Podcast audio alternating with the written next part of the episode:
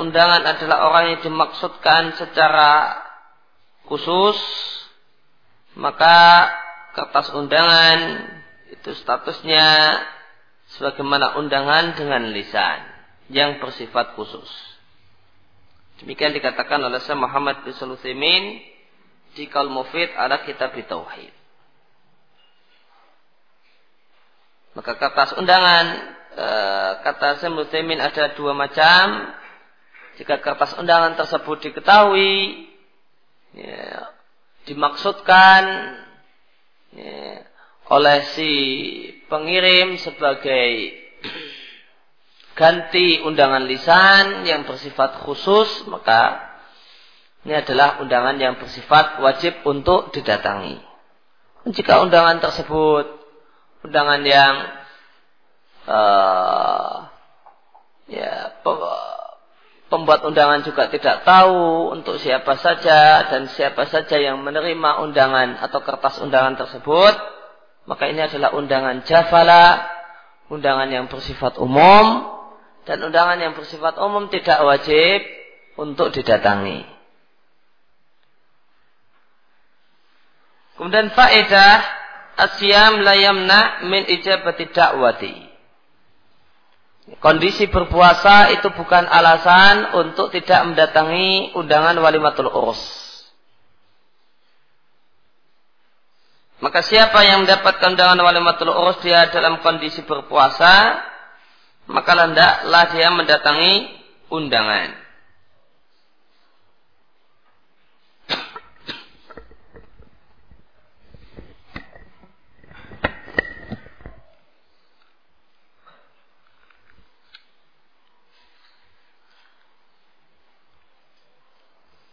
Dan adalah dia doakan orang yang mengundangnya agar mendapatkan ampunan dan keberkahan dari Allah Subhanahu wa taala.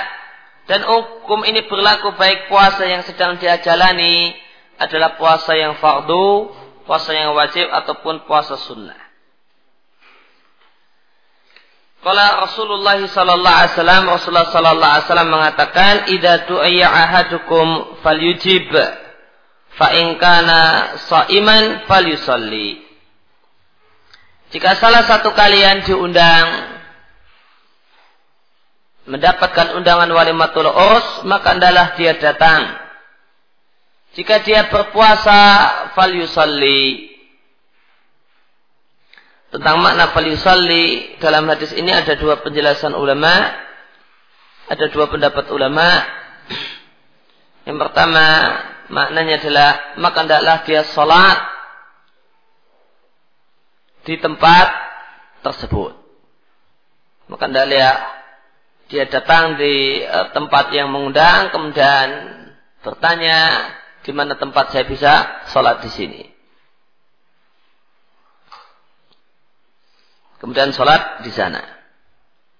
Kemudian penjelasan yang kedua maka penjelasan yang pertama memaknai sholat dalam uh, dalam hadis ini dengan sholat secara syar'i.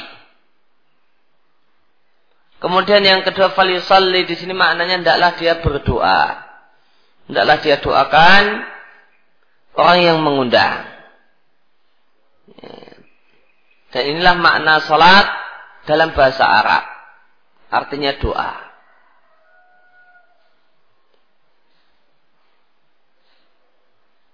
Dan nampaknya makna yang kedua inilah yang dimaksudkan oleh penulis. Karena tadi penulis mengatakan dan adalah dia doakan orang yang mengundangnya dengan ampunan dan keberkahan. Wa in kana muftiran falyata'am dan jika dia dalam kondisi tidak berpuasa maka adalah dia memakan makanan walimatul urs tersebut. Diatkan oleh Muslim dan yang lainnya. Nah, kenapa penulis memilih makna falisalli di sini dengan makna doa? Beliau sebutkan alasannya. Wa qawlu falyusalli dan sabda Nabi sallallahu alaihi wasallam dalam hadis di atas maka hendaklah dia salat telah ditafsirkan di salah satu riwayat yang ada dalam riwayat Imam Ahmad dan yang lain dengan makna doa. Dalam riwayat yang lain disebutkan fa in kana shaiman falyusalli ya'ni du'a. Maka jika dia dalam kondisi berpuasa maka adalah dia salat dan salat yang dimaksudkan di sini adalah doa alias salat menurut makna bahasa.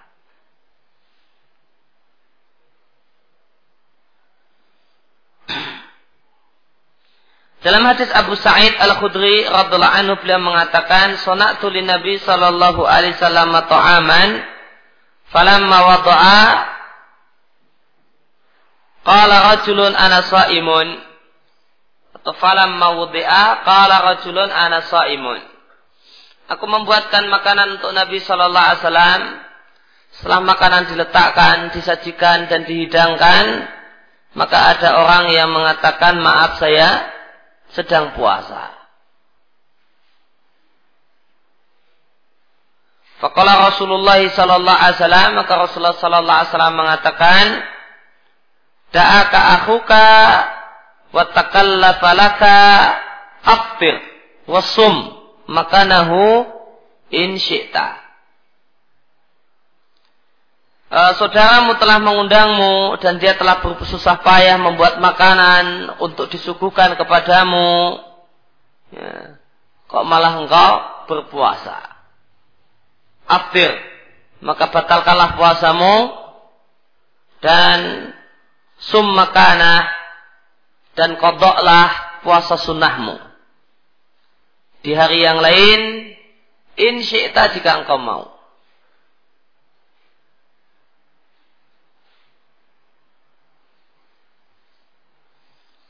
Eh, kata Ibnu Hajar diatkan oleh Ismail bin Abi Uwais dari bapaknya dari Muhammad bin Munkadir anhu dari Abu Sa'id Al-Khudri wa isnadu hasanon kata Al-Hafidh Ibnu Hajar sanadnya Hasan dan Al-Bani pun menegaskan bahasanya hadis ini kualitasnya adalah Hasan. Diatkan oleh Baihaqi.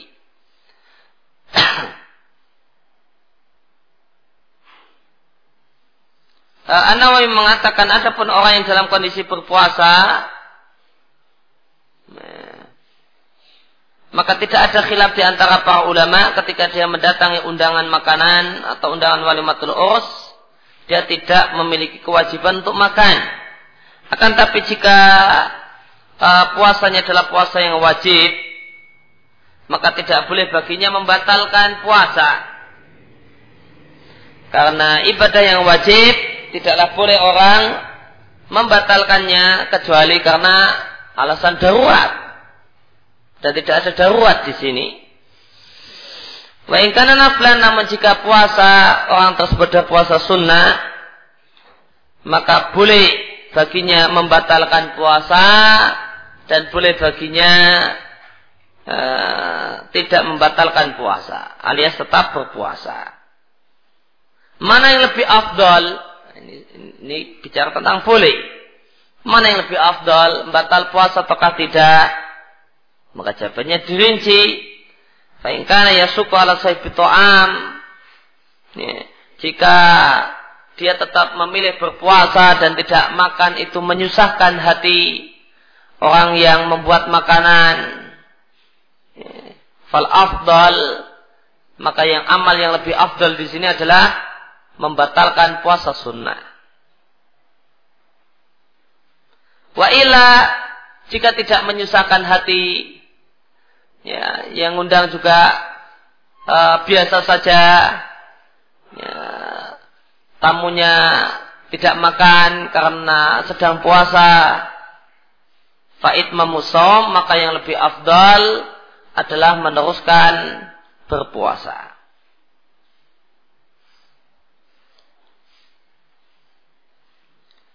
Kemudian hadis uh, riwayat yang tadi kita baca yang dari sahabat Abu Sa'id Al-Khudri radhiallahu anhu menunjukkan bolehnya membatalkan puasa meskipun bukan karena kondisi darurat dan menunjukkan bolehnya kodok puasa sunnah. Maka ada orang puasa Senin misalnya. Nah, maka karena dapat undangan akhirnya dia membatalkan puasa, maka puasa senanya bisa dia kodok hari Selasa atau dia kodok hari Rabu. Non kodok puasa sunnah yang dibatalkan ini tidak wajib. Incita. Jika anda mau kodok, bisa dikodok. Ya. Tidak juga tidak apa-apa.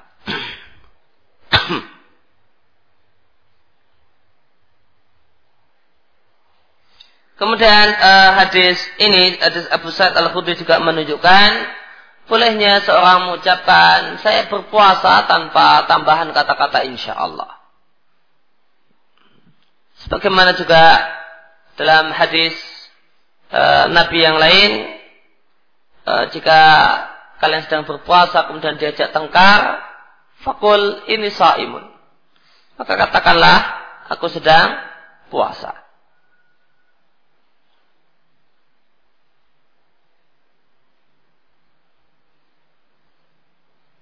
maka boleh seorang mengucapkan saya puasa atau saya sedang puasa ya, tanpa perlu menambahkannya dengan kata-kata insya Allah.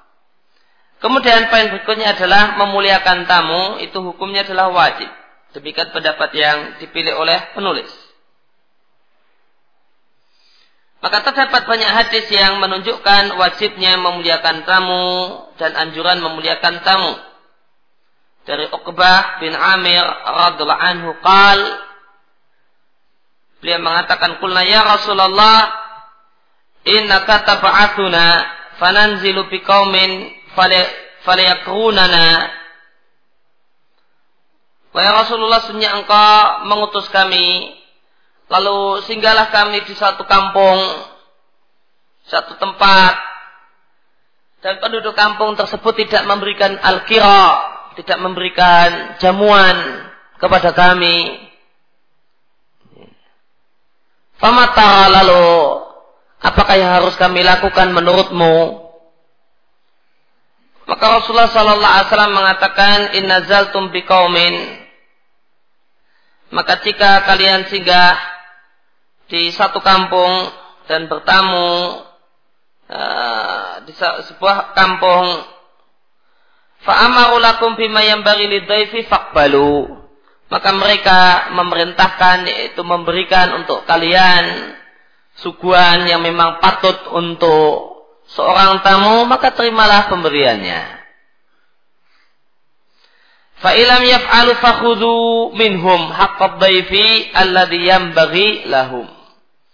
Namun jika tuan rumah tidak memberikan jamuan, tidak memberikan suguhan, maka kalian boleh mengambil ya, dari harta si uh, tuan rumah hak daifi, hak tamu yang sepatutnya diterima oleh seorang tamu atau para tamu diatkan oleh Bukhari dan Muslim.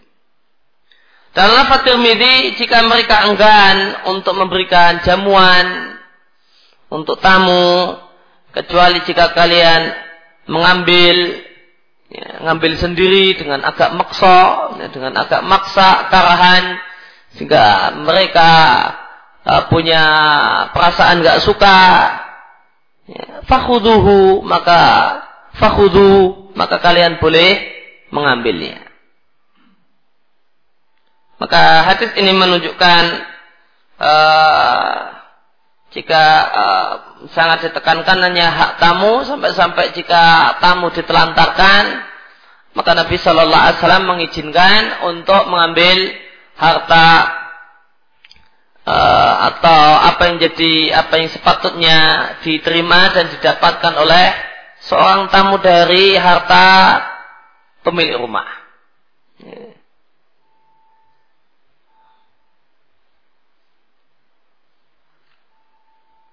Meskipun tanpa seizin dan sepengetahuan si pemilik rumah.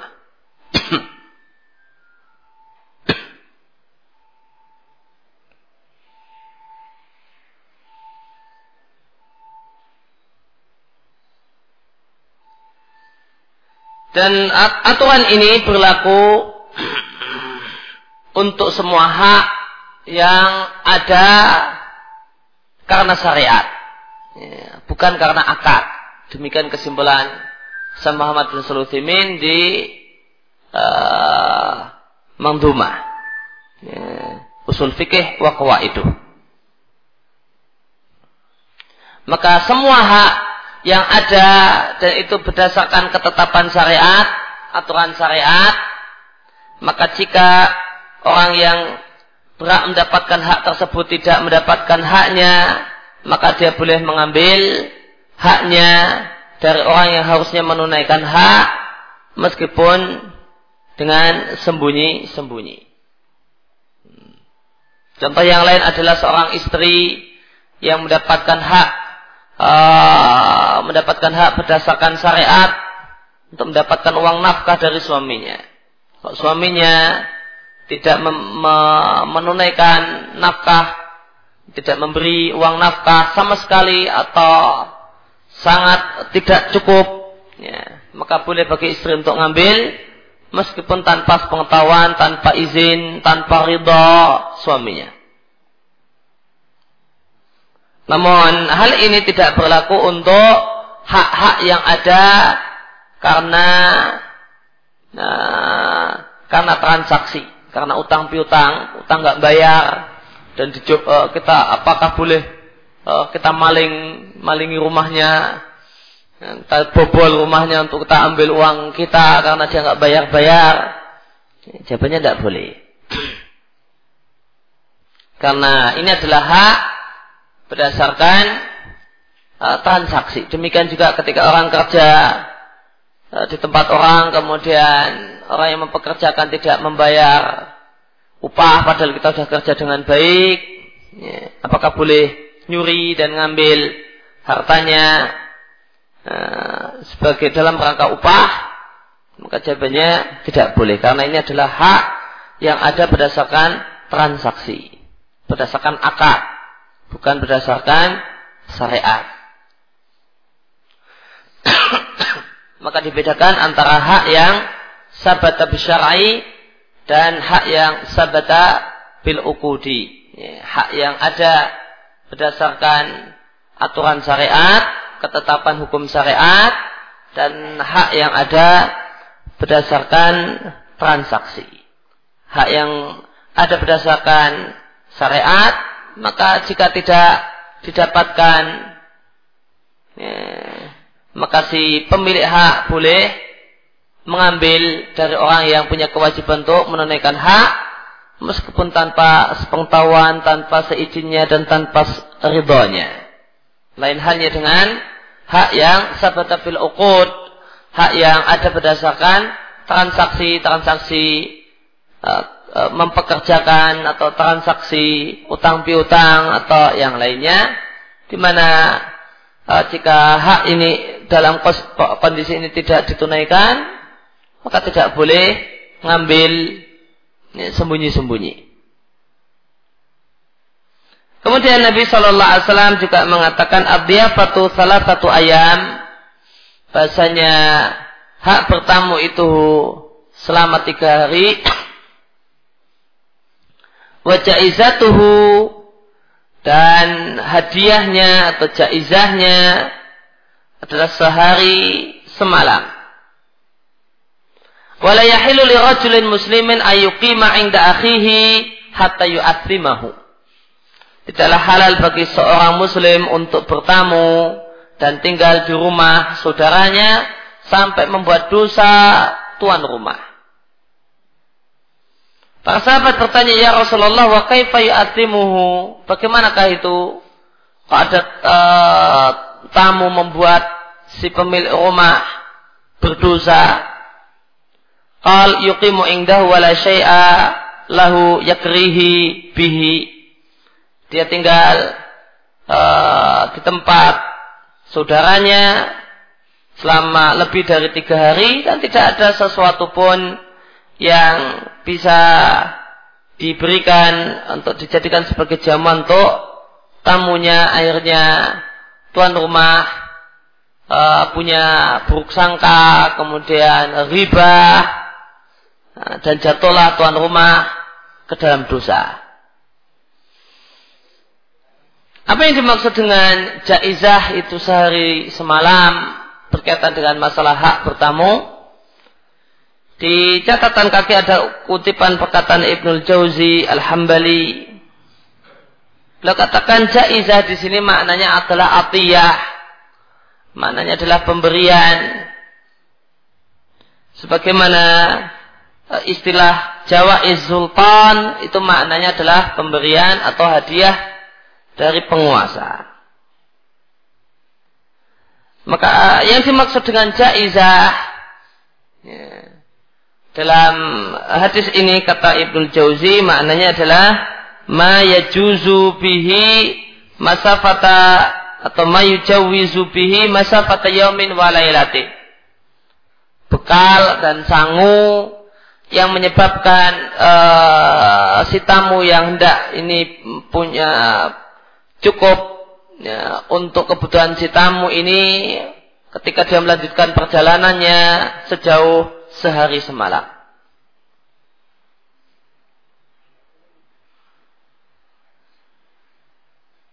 Maka ketika tamu itu pamitan mau pergi, maka disangoni, ya, dikasih bekal, ya, dikasih makan uh, sama pemilik rumah, karena dia masih mau melanjutkan perjalanan, yang bekal tersebut cukup untuk kebutuhan si tamu ini makan selama sehari semalam ke depan.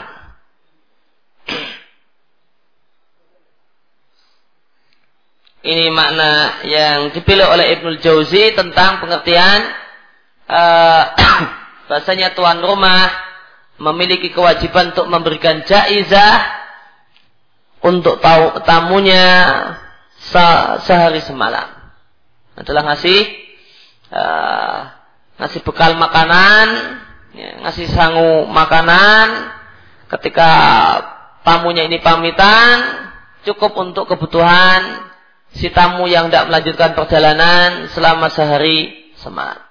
Ada penjelasan ulama yang lain tentang uh, makna jaizah di sini. Penjelasan yang lain mengatakan bahasanya yang dimaksud jaizah adalah uh, kesungguhan atau sungguh-sungguh dalam memberikan uh, jamuan. Nah, maka jamuannya lain daripada yang lain bukannya bukan hanya sekedar makanan yang biasa dimakan oleh tuan rumah. maka ini uh, ini di, dilakukan oleh tuan rumah selama sehari semalam yang pertama. Eh, hak bertamu tiga hari, maka di hari yang pertama itu menu jamuan adalah menu istimewa. Hmm. Bukan menu yang biasa dimakan oleh uh, penghuni rumah tersebut. Maka diupayakan agak lain. Untuk selama sehari semalam pertama dari kedatangan si tamu. Nah, nanti kalau sudah hari yang kedua, berikan apa yang biasa dimakan oleh uh, penghuni rumah. Ini penjelasan yang lain tentang makna jaizah yang wajib diberikan, diberikan oleh pemilik uh, ya, tuan rumah untuk tamunya. Dako An-Nawawi An-Nawawi menyebutkan adanya ijma tentang disyariatkannya memberikan jamuan, memberikan diafah, jamuan makanan untuk tamu. Dan sesungguhnya jamuan untuk tamu adalah di antara hukum Islam yang sangat-sangat ditekankan. Kemudian An-Nawawi menjelaskan adanya khilaf ulama tentang memberikan jamuan untuk tamu itu wajib atau sunnah. Imam Malik, Syafi'i Abu, dan Abu Hanifah berpendapat bahasanya memberikan jamuan untuk tamu hukumnya sunnah dan tidak wajib. Lalu mereka menafsirkan hadis-hadis ya, yang menunjukkan wajibnya yang secara lahiriah menunjukkan wajibnya memberikan jamuan mereka tafsirkan sebagaimana hadis-hadis yang semisal ya, semisal hadis yang menunjukkan wajibnya yang dohirnya menunjukkan wajibnya mandi Jumat atas uh, setiap laki-laki yang balik dan semacamnya ya. maka ditafsirkan sebagaimana hadis ghuslu Jum'ati hakun atau wajibun ala kulli muhtalimin tentang masalah mandi Jumat, Nabi mengatakan mandi Jumat adalah wajibun ala kulli muhtalimin atas setiap orang yang laki-laki yang sudah balik. Ya, jumhur ulama memaknai hadis ini wajibun ala kulli muhtamilin dengan hakun muta'akkadun. Ada sebuah hak yang sangat ditekankan adalah satu hal yang sangat ditekankan untuk dilakukan oleh setiap uh, laki-laki yang sudah balik.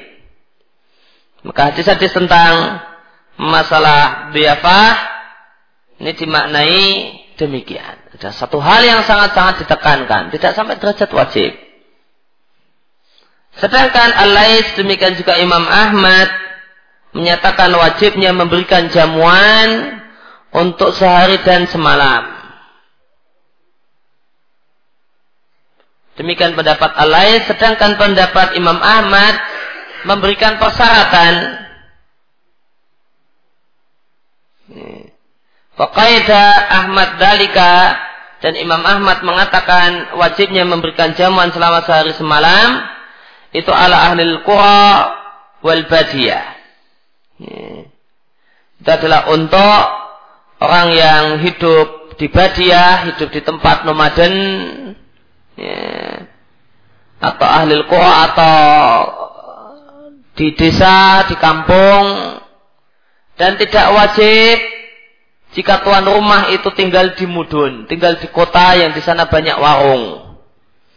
Nah, karena tamunya bisa cari warung dan sudah makan. Nah. Kalau di kampung tidak ada warung, maka jika tidak dapat jamuan sama dengan nggak makan. Maka tuan rumah wajib ngasih makan. Di kampung nggak ada warung. Ya, apalagi di badia, di pelosok, terpencil. Ya, tidak ada warung kalau orang bertamu. Ya, maka tidak dapat nggak dapat suguhan sama dengan tidak dapat makanan. Adapun mudun kota uh, di mana warung makan itu bertebaran, ya, maka tidak wajib bagi uh,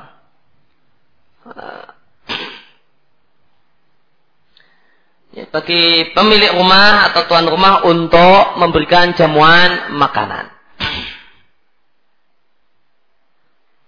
Maka ringkasnya jika jamuan makanan dalam artian makan besar ini adalah bagian dari ikram daif sebagai di satu kampung maka ini adalah sebuah kewajiban. Namun jika tidak sampai uh, makan besar nasi plus yang lainnya itu tidaklah merupakan tolak ukur uh, ikram daif di satu kampung ya cukup ya wedang teh atau air putih ya, sudah sudah sudah di termasuk dalam iqamah daif maka tidak menyediakannya tidak menyediakan biafa ya, tidak menyediakan makan besar. Untuk tamu tidak masalah. Faedah tentang hadis larangan tamu tinggal lebih dari tiga hari uh, supaya tuan rumah tidak terjumus dalam dosa, maka yang dimaksud adalah dosa boleh jadi dengan buruk sangka, dengan sangkaan-sangkaan yang tidak boleh, atau dengan menggibah tamu, atau yang lainnya. Al-Khattabi mengatakan, tidaklah halal bagi seorang tamu untuk tinggal di rumah orang yang tempat dia tamu eh, eh, tempat dia bertamu setelah tiga hari jika tanpa diminta. Tujuannya apa? Supaya tuan rumah itu tidak sempit hatinya karena tamu yang begitu lama. Nah ketika hati tuan rumah ini sempit dengan keberadaan si tamu, batal dan hilanglah pahala memberikan pelayanan kepada tamu selama tiga hari yang kemarin.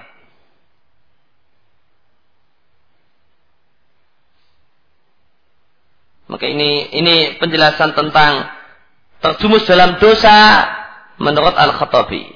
Yaitu hapus dan hilangnya pahala memberikan jamuan, memberikan pelayanan kepada tamu selama ini.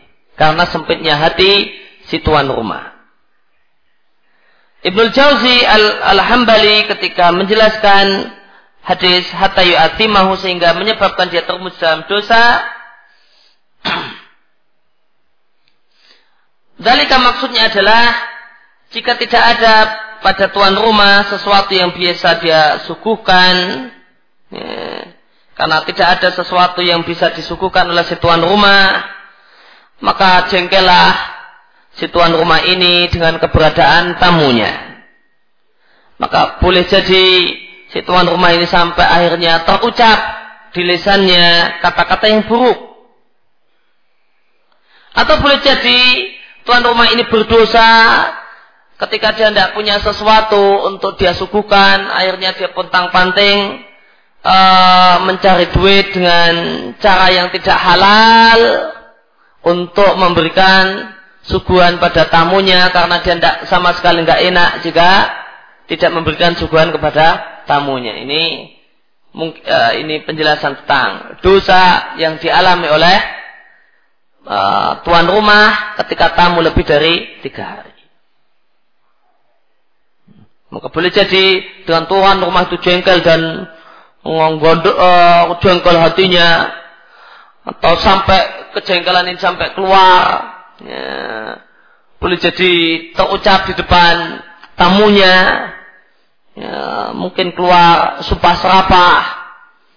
Atau boleh jadi karena tidak enak kalau nggak ngasih jamuan akhirnya pontang panting uh, cari sesuatu yang bisa untuk uh, jamuan sampai nyuri misalnya. Ya, untuk supaya bisa ngasih jamuan untuk tamunya. Maka dia berdosa karena itu. Akan tapi ada pengecualian dalam masalah ini tentang larangan uh, tinggal bertamu lebih dari tiga hari. Ada pengecualian yaitu jika si tamu yakin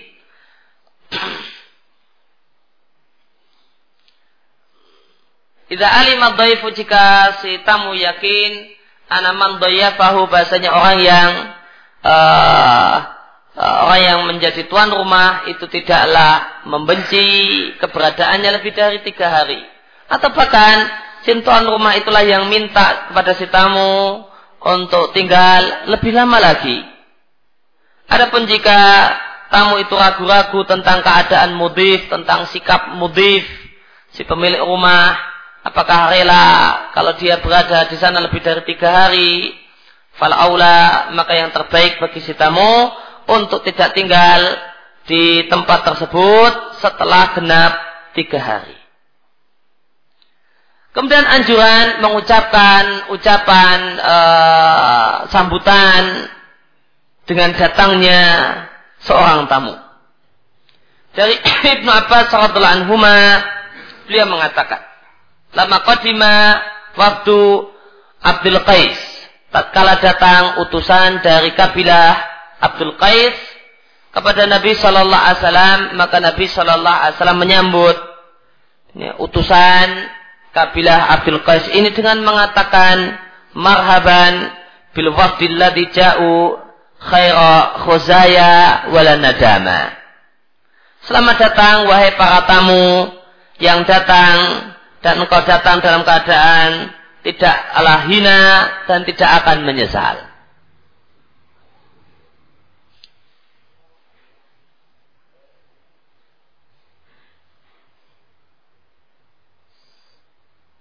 Diatkan oleh Bukhari dan Muslim. Dan satu hal yang tidaklah diragukan bahasanya uh, ketika tuan rumah itu menyambut tamunya dengan kata-kata sambutan, dengan kata-kata tarhib, marhaban atau semisalnya, maka hal tersebut memasukkan rasa gembira dan kenyamanan hati di hati tamunya. Wal waqi yusaddiquhu. Dan realita pun membuktikan benarnya hal ini.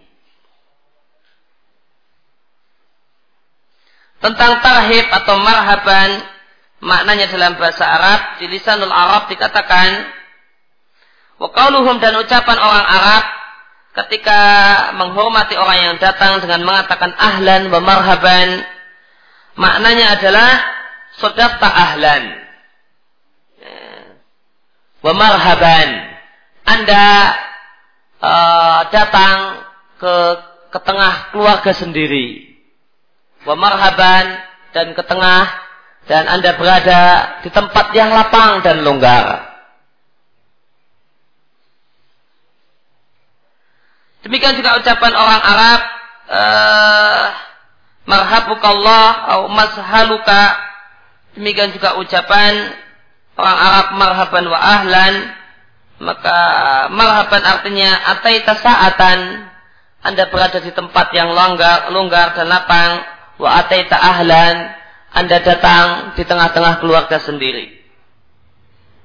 Maka orang pun merasa nyaman dan tidak merasa uh, wala tastauhish dan orang uh, tidak merasa uh, sungkan.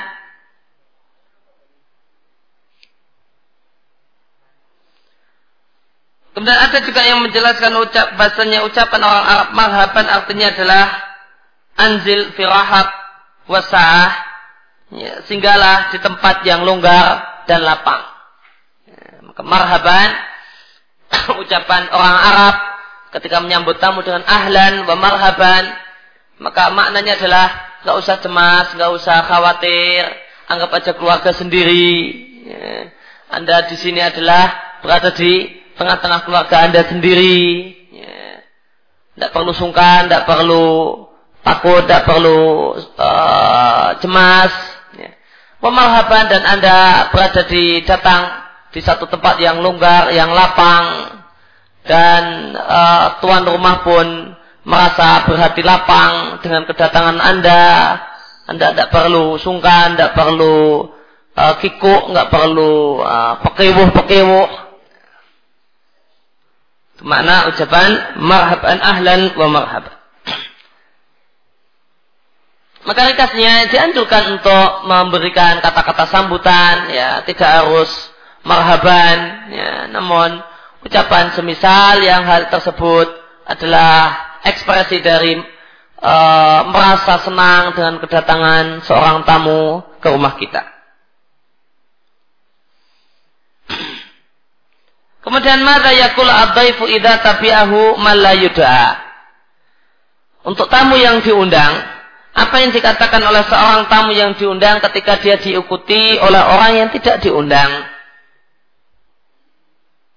Maka adalah dia melakukan dan mengatakan sebagaimana yang diucapkan oleh Rasulullah Sallallahu Alaihi Wasallam. An Abi Mas'udin, ada Ibnu Mas'ud, ada Abu Mas'ud. Ya, kalau Ibnu Mas'ud itu muhajirin, Abu Mas'ud itu ansar. Dua-duanya sahabat Nabi. Ada Ibnu Mas'ud, Ya, dan beliau muhajirin ada Abu Mas'ud Al-Ansari.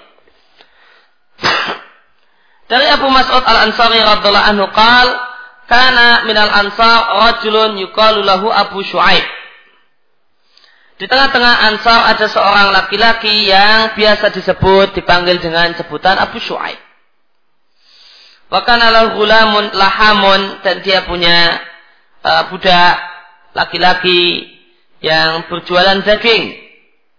Fakal maka dia berkata kepada budaknya, Isna'li to'aman ada'u Rasulullah sallallahu alaihi wasallam khamisa khamsatin. Ya, buatkan makanan untukku akan aku panggil Rasulullah sallallahu alaihi wasallam. Ya. Uh, ditambah empat orang yang lain sehingga genap lima orang. Rasulullah adalah khamisa, uh, kham, khamisul khamsah. Yang kelima dari lima orang. Ya, uh, buatlah makanan yang cukup untuk lima orang Rasulullah plus empat sahabatnya. Pada maka setelah uh, dimasak maka dia pun mengundang Rasulullah Sallallahu Alaihi Wasallam dan undangannya wahai Nabi engkau boleh ngajak kawan namun total rombongan cuma lima saja. Nah.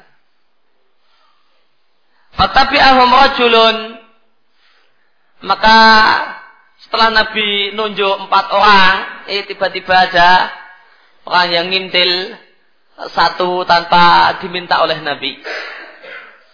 Fatabi'ahu rajulun. Fakala Nabi Shallallahu Alaihi Wasallam maka setelah sampai ke rumah Abu Shu'aib, Nabi Shallallahu Alaihi Wasallam berkata kepada Abu Shu'aib, Inna kadautana khamisal khamsatin. Wa ada rajulun qad tabi'ana. Fa in syi'ta adzintalah wa in syi'ta taraktahu. Sesungguhnya engkau tadi mengundang kami berlima. Nah ini ada orang yang ikut kami. Maka jika anda berkenan, silahkan anda izinkan orang ini untuk untuk ikut masuk. Dan jika anda berkenan, maka anda biar bisa membiarkan dia di luar saja. Biar airnya kemudian balik dan pergi sendiri. Nah. Kal maka Abu Sa'id mengatakan bal adin tulahu. Ya. Bahkan aku izinkan dia untuk masuk. Dikatakan oleh Bukhari dan Muslim.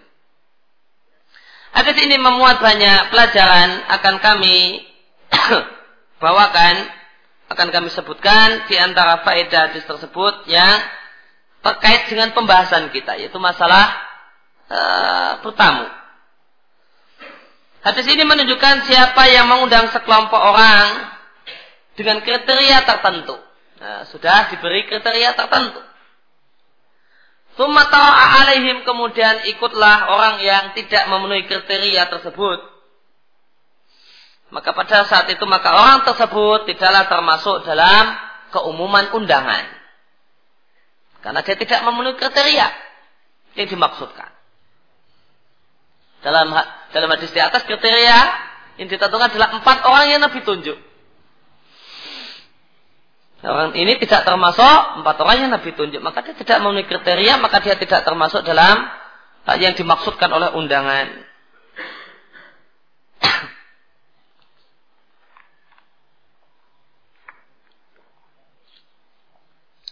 Kemudian pelajaran yang lain dari hadis ini, hadis ini menunjukkan bahasanya siapa yang uh,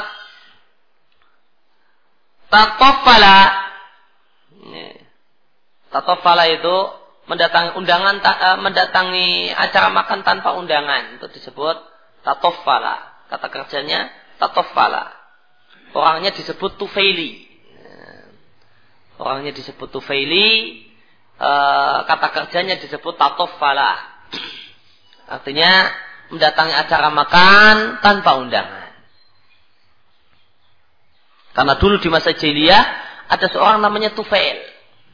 Dulu di masa jahiliyah ada seorang namanya Tufail yang dia hobi sekali mendatangi undangan, acara-acara makan, pesta pernikahan, dia uh, nyelonong masuk gitu aja ikut nimbrung makan. Dan dia masyhur dengan uh, perbuatannya tersebut maka semua orang yang mencontoh perbuatan dia disebut tufaili. Ya, nisbah kepada tufail.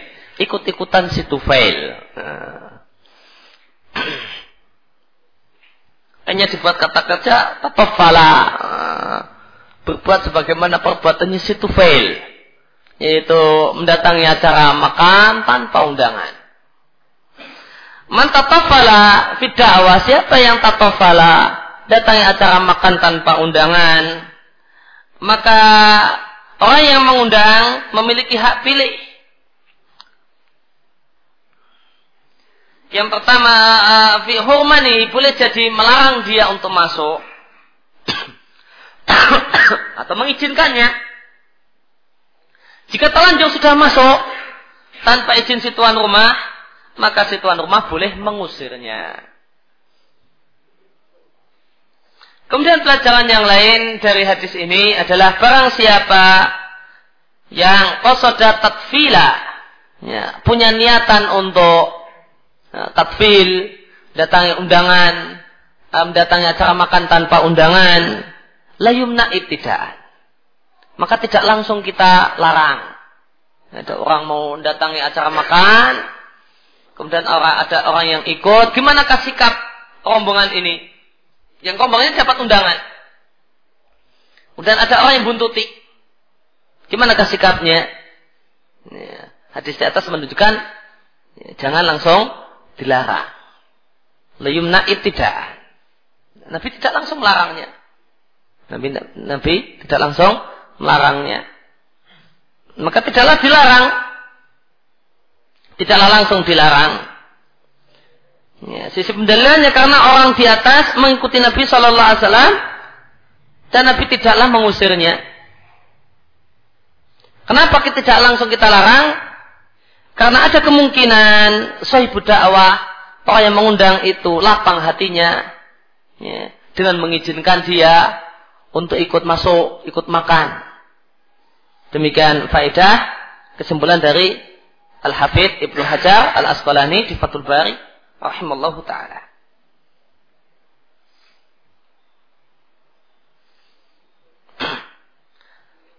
Nah, faedah yang disimpulkan oleh Ibnu Hajar dari hadis di atas ini berbeda dengan kesimpulan An-Nawawi.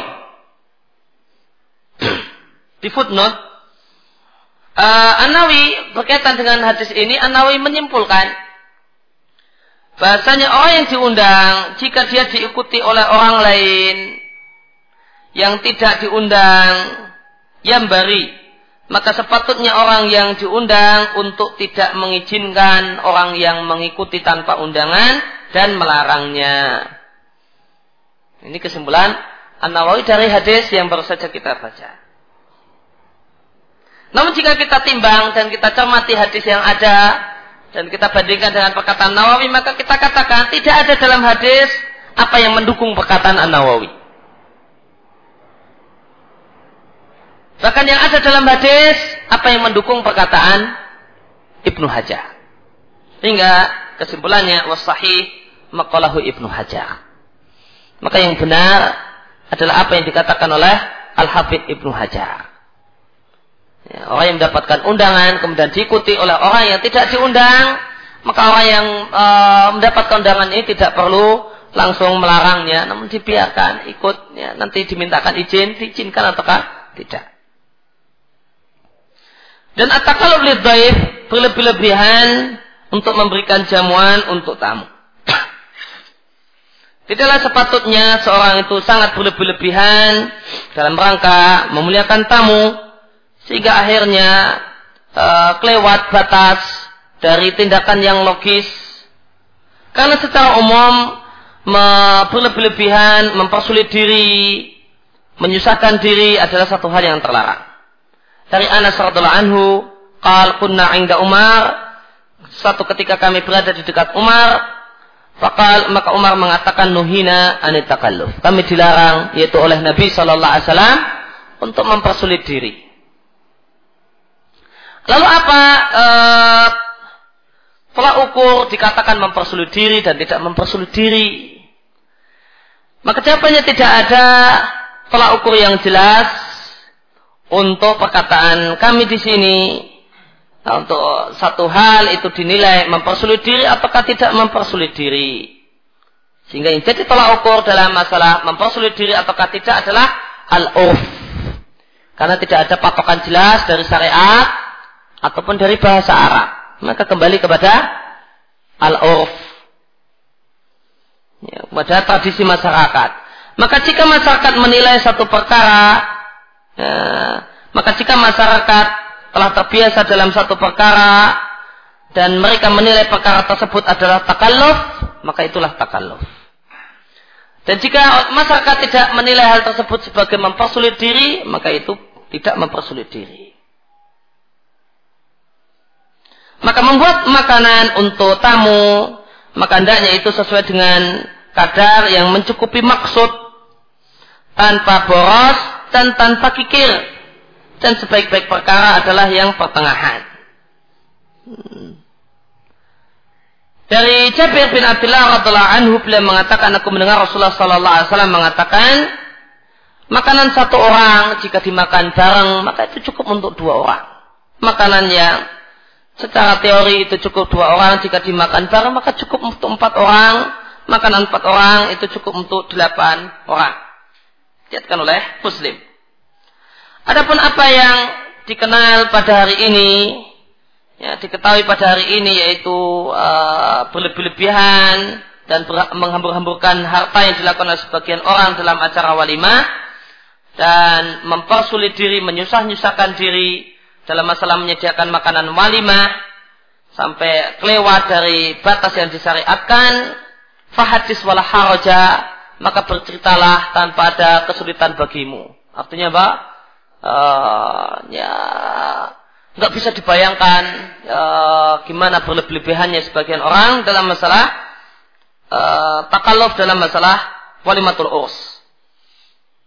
Bahkan sebagian orang nampaknya sedang berlomba dengan orang lain. Manakah yang lebih menang, manakah yang bisa mengalahkan kawannya dalam masalah hebat-hebatan acara walimah. Maka hebat-hebatan dalam masalah banyak banyakan variasi makanan. Model makanan yang bisa disajikan.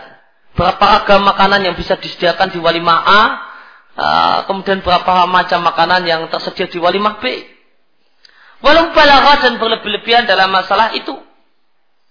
Sampai-sampai dikatakan, oh fulan bin fulan itu walimahnya isinya makanannya ini, ini, ini, ini. Kalau fulan itu uh, makanannya ada bakso, ada ini, ada ini ya. Ah,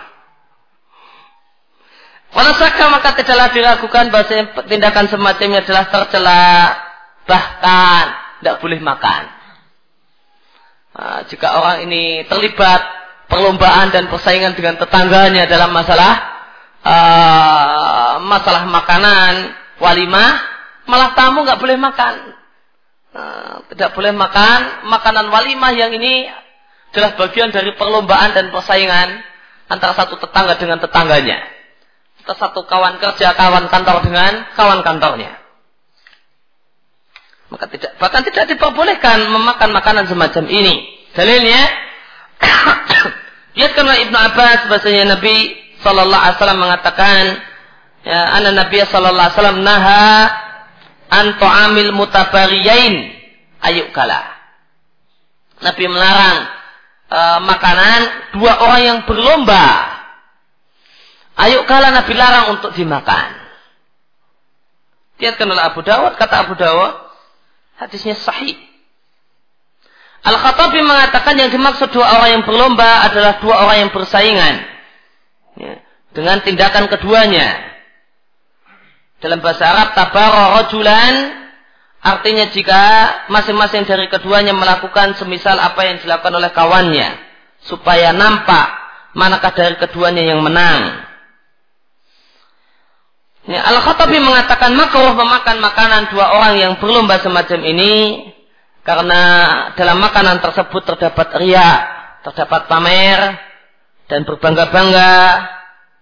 Maka ini termasuk dalam bagian larangan Allah Subhanahu wa taala untuk memakan dengan cara makan makanan orang dengan cara yang tidak benar.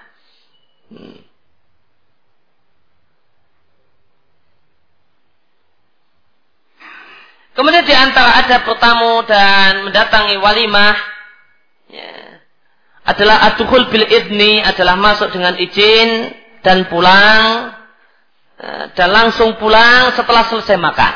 Ya, makanya dianjurkan itu SMP ya. Yang masuk itu SMP. Setelah selesai makan pulang. Itunya Allah perintahkan. Ini adalah adat yang dijelaskan oleh Al-Quran. Dalam firman Allah Subhanahu wa taala di surat Al-Ahzab ayat yang ke-53 Allah Subhanahu wa taala berfirman, "Ya ayyuhalladzina amanu la tadkhulu buyutan nabi ila ayyudana lakum ila ta'amin ghaira nadhirina inahu. Walakin idza tu'intum fadkhulu fa idza ta'intum fantashiru."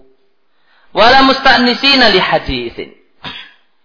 Baik orang-orang yang beriman, janganlah kalian masuk ke dalam rumah Nabi kecuali setelah kalian diizinkan ila ta'amin untuk menikmati makanan ya, Ya, ghairu nadirina inahu tanpa kalian menunggu-nunggu matangnya makanan tersebut. Walakum dan bagi kalian uh, idatu itum walakin idatu itum fadkhulu akan tapi jika kalian dipanggil masuk yaitu undang untuk datang maka silahkan kalian masuk ke dalam. Wa idza ta'imtum fantasyir jika kalian telah selesai makan hendaklah segera kalian pulang wala musta'nisina li hadis janganlah kalian asik-asik ngobrol di tempat itu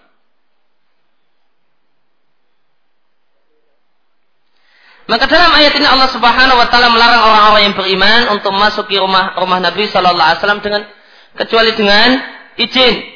Maka dalil bahasanya masuk dengan izin. Dan orang-orang yang beriman demikian pula tidaklah mereka masuk rumah orang lain sesama orang yang beriman kecuali dengan izin. Maka larangan untuk masuk ke dalam rumah orang kecuali dengan izin di sini berlaku untuk semua orang yang beriman. Syaukani mengatakan Allah Subhanahu wa taala melarang orang-orang yang beriman andalika untuk melakukan hal itu masuk rumah tanpa izin untuk rumah Nabi Shallallahu alaihi wasallam dan ini berlaku larangan ini berlaku untuk rumah semua orang yang beriman.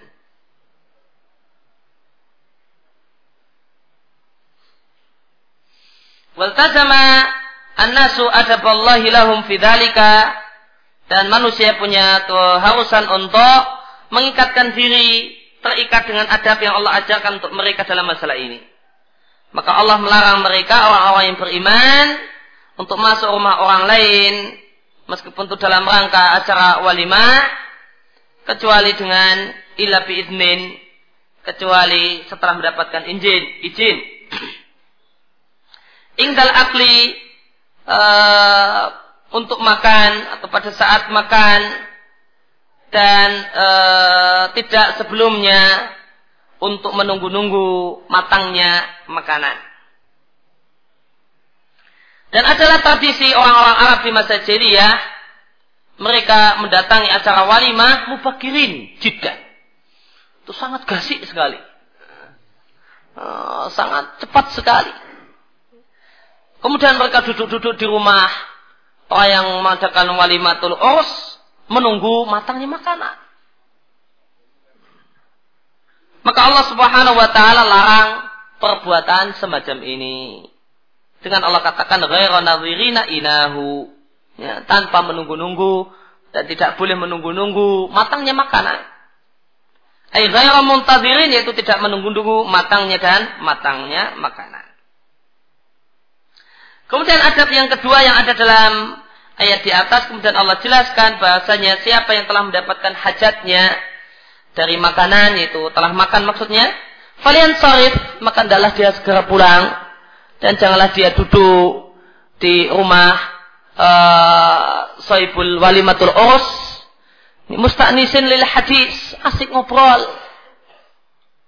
Karena hal tersebut menyakiti Nabi Shallallahu Alaihi Wasallam mau beraktivitas sudah capek menyiapkan makanan dan sebagainya kok nggak pulang-pulang? Nah, maka nggak istirahat istirahat. Demikian pula manusia yang lainnya. Demikian pula orang yang lainnya selain Nabi Shallallahu Alaihi Wasallam. Berlaku sama. Maka umumnya orang itu merasa terganggu jika orang yang diundang itu masih tetap ada di tempat setelah selesai makan. Oleh karena itu maka tidak sepatutnya berlama-lama di tempat uh, tempat acara walimatul urs illa kecuali. Kecuali jika memang pemilik rumah menginginkan agar tamunya berlama-lama di rumahnya. Atau memang itu telah menjadi tradisi secara off memang uh, hal tersebut telah menjadi tradisi bahasanya orang itu secara tradisi secara kebiasaan orang-orang itu senang jika orang itu masih duduk-duduk di situ setelah selesai makan. Walam yakun hunaka masaqah dan tidak menyulitkan dan tidak mengganggu uh, pemilik rumah, maka tidak mengapa. Karena ilah terlarangnya uh, duduk-duduk lama di tempat makan itu telah hilang. Maka al-hukmu yaduru ma'ilatihi wujudan wa adaman. Maka di sini ada larangan untuk berlama-lama duduk di tempat orang uh, acara walimatul urs dan ilahnya adalah karena itu menyakiti tuan rumah, mengganggu tuan rumah, menjaga kenyamanan tuan rumah. Dia butuh istirahat dan yang lainnya. Maka jika kita yakin ilah ini hilang, karena dia ingin kita duduk lebih lama karena teman akrabnya, atau karena faktor yang lain kita yakin, atau minimal punya sangkaan kuat, kalau ilah, larangan, untuk duduk lama-lama itu hilang untuk kita, tidak berlaku untuk kita karena kita malah diminta untuk duduk masih duduk lama. Maka tidak mengapa duduk lama setelah selesai makan. Akan tapi jika kita ragu-ragu ya, atau nampak kalau itu mengganggu dan menyakiti tuan rumah karena tuan rumah sudah lama sibuk dengan berbagai aktivitas dan belum sempat istirahat, belum sempat geletak, belum sempat berbaring sampai-sampai maka hendaknya begitu selesai langsung pulang.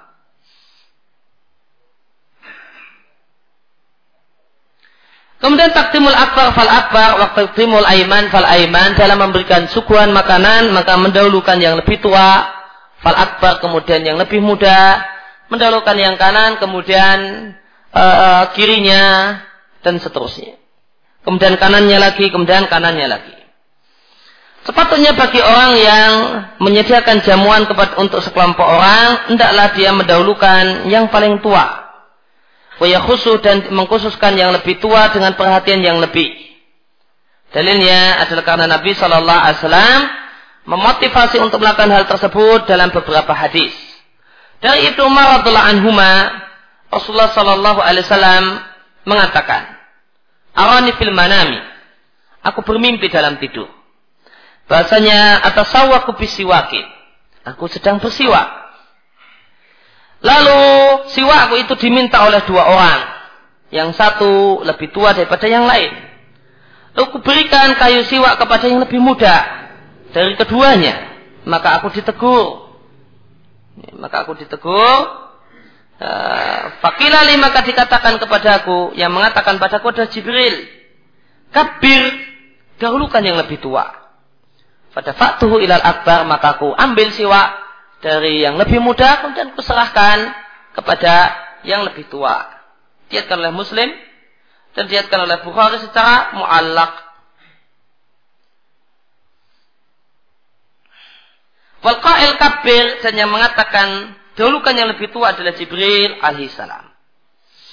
Demikian pula Nabi Shallallahu Alaihi Wasallam mengatakan, ya, siapa yang tidak sayang dengan yang lebih muda di antara kami, dan tidak mengetahui hak orang yang lebih tua di antara kami, maka dia bukalah umatku. Diatkan oleh Bukhari dalam Adabul Mufrad Al-Albani mengatakan sahih. Dan Nabi Shallallahu Alaihi Wasallam mengatakan inna min ijlalillah di antara bentuk memuliakan Allah, mengagungkan Allah adalah ikram di syaibah muslim. Ya, memuliakan seorang muslim yang sudah beruban Ya, sudah beruban karena tua ya, bukan karena salah sambo atau karena yang lain. Kemudian yang kedua adalah memuliakan dan menghormati hamilul Quran, hafidul Quran. Ya, menghormati seorang yang uh, berpredikat dan berstatus sebagai penghafal Al-Quran. 30 juz, bukan juz 30. Ghairul ghalifihi, asalkan dia bukanlah orang yang hulu, uh, terhadap Al-Quran wal jafi anhu bukan pula orang yang uh, tidak beradab terhadap Al-Quran. Namun dia adalah seorang hafizul Quran yang muta'adib yang beradab dengan Al-Quran, dengan Al-Quran yang dihafal, yang ada pada dirinya, ada pada dadanya. Maka menghormati hafizul Quran adalah bagian dari menghormati, memuliakan Allah Azza wa Jalla. Maka di sini menunjukkan mulianya ya, sahibul Quran, mulanya hamilul Quran, para hafidul Quran. Wa iqamu sultanil muqsid dan memuliakan penguasa yang adil. Lihatkan Abu Bukhari dalam Madhabul Mufrad, Al-Albani mengatakan hasan. Maka itulah dalil-dalil yang menunjukkan uh, dalil yang menunjukkan ke, keharusan untuk mengutamakan orang yang lebih tua Namun nampaknya hadis ini sekilas agak bertentangan dengan hadis yang lain. Yaitu hadis Sahal bin Sa'ad radhiallahu anhu. Anna Rasulullah sallallahu alaihi wasallam utiya bisyarabin. Sini Rasulullah sallallahu alaihi wasallam mendapatkan hadiah minuman yaitu susu. Fasyariba minhu, lalu Nabi minum ya, sedikit darinya. Uh, sedang di sebelah kanan Nabi ada anak kecil, sebelah kiri Nabi ada banyak orang tua. Maka Nabi Shallallahu Alaihi Wasallam minta izin kepada si anak kecil.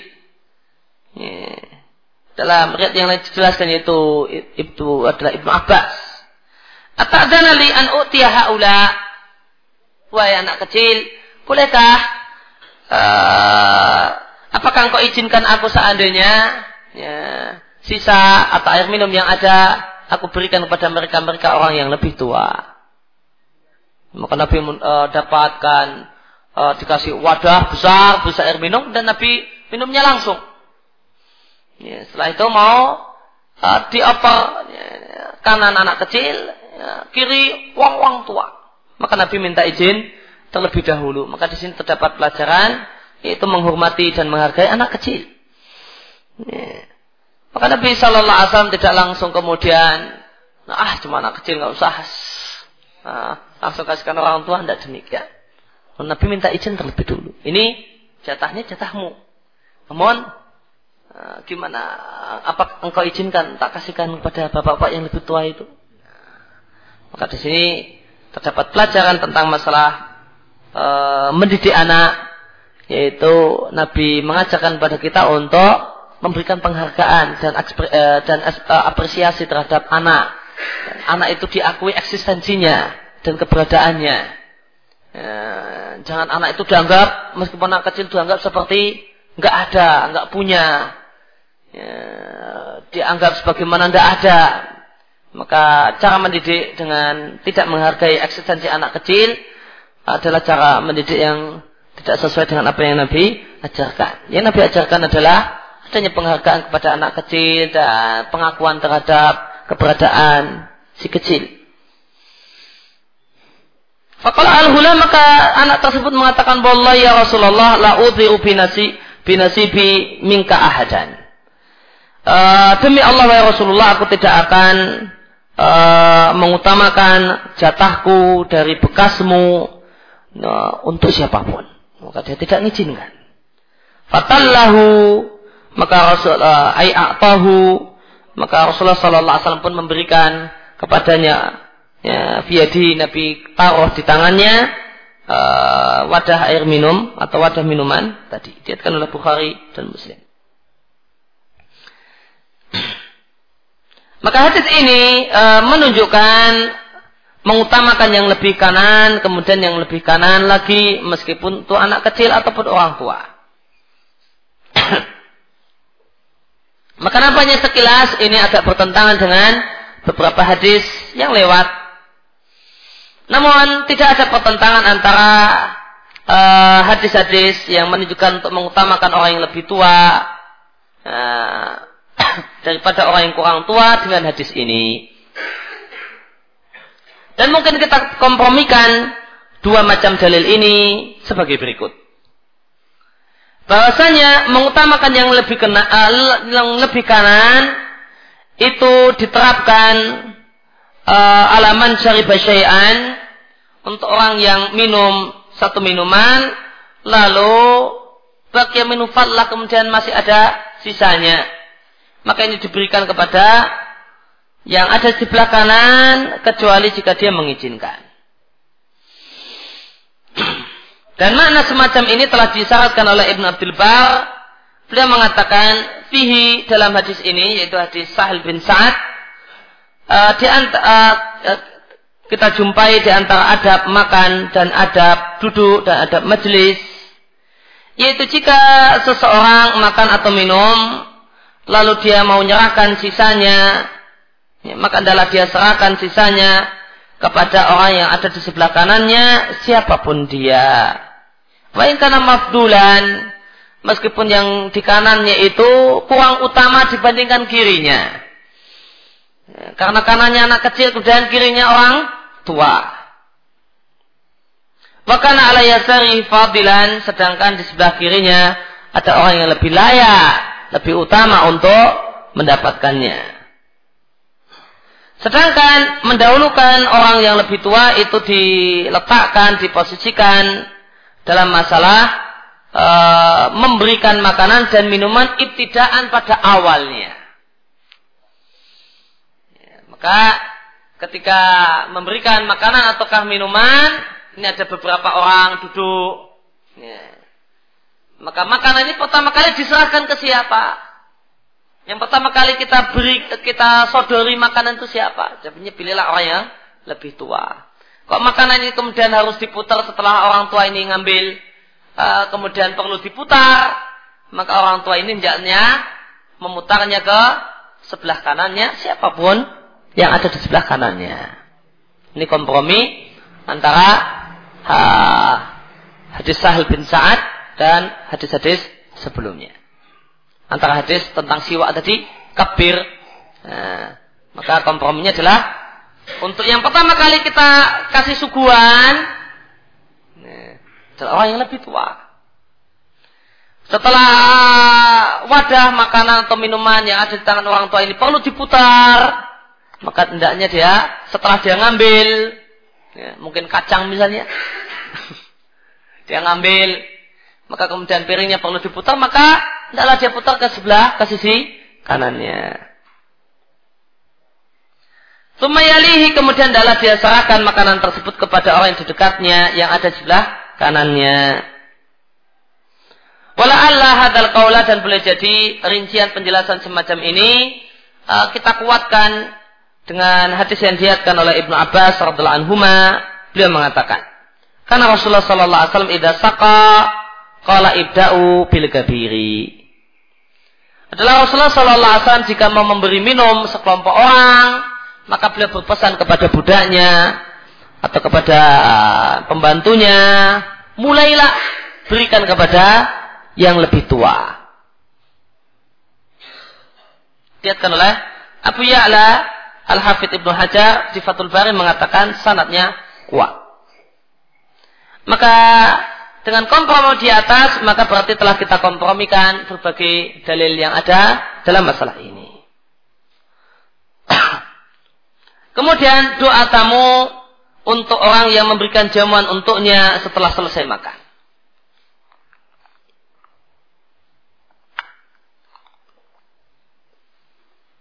Di antara sunnah Nabi Shallallahu Alaihi Wasallam jika seorang telah selesai mm, menyantap makanan di rumah orang lain, maka adalah dia doakan orang yang memberi makanan.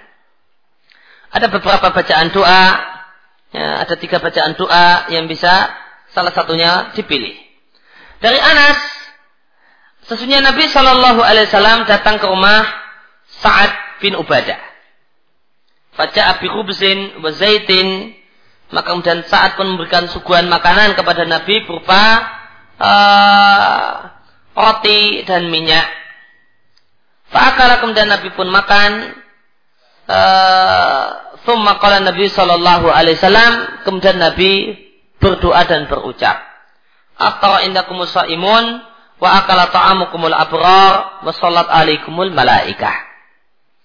Semoga orang yang berbuka di tempatmu adalah orang-orang yang berpuasa atau orang yang berbuka di tempat adalah orang yang berpuasa yang makan makananmu adalah orang-orang yang bertakwa dan para malaikat bersolawat untukmu. Lihatkanlah Abu Dawud dinisahhi oleh Al-Albani. Dalam riwayat Ahmad dan Darimi, lapatnya agak berbeda. Bukan wassalat alaikumul malaika, namun watanazzalat alaikumul malaika.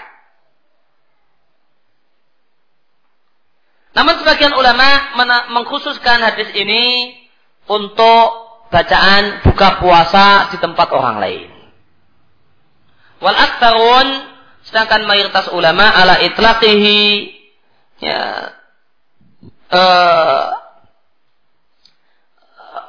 memperlakukan hadis ini secara mutlak boleh jadi buka puasa di tempat orang lain ataupun tidak. Karena hadis ini tidak, kalau kita lihat secara utuh hadis ini tidak menunjukkan kalau Nabi sedang puasa Cuma Nabi main ke rumahnya uh, saat bin Ubadah uh, kemudian dikasih suguhan makanan dan dan makan dan Nabi berdoa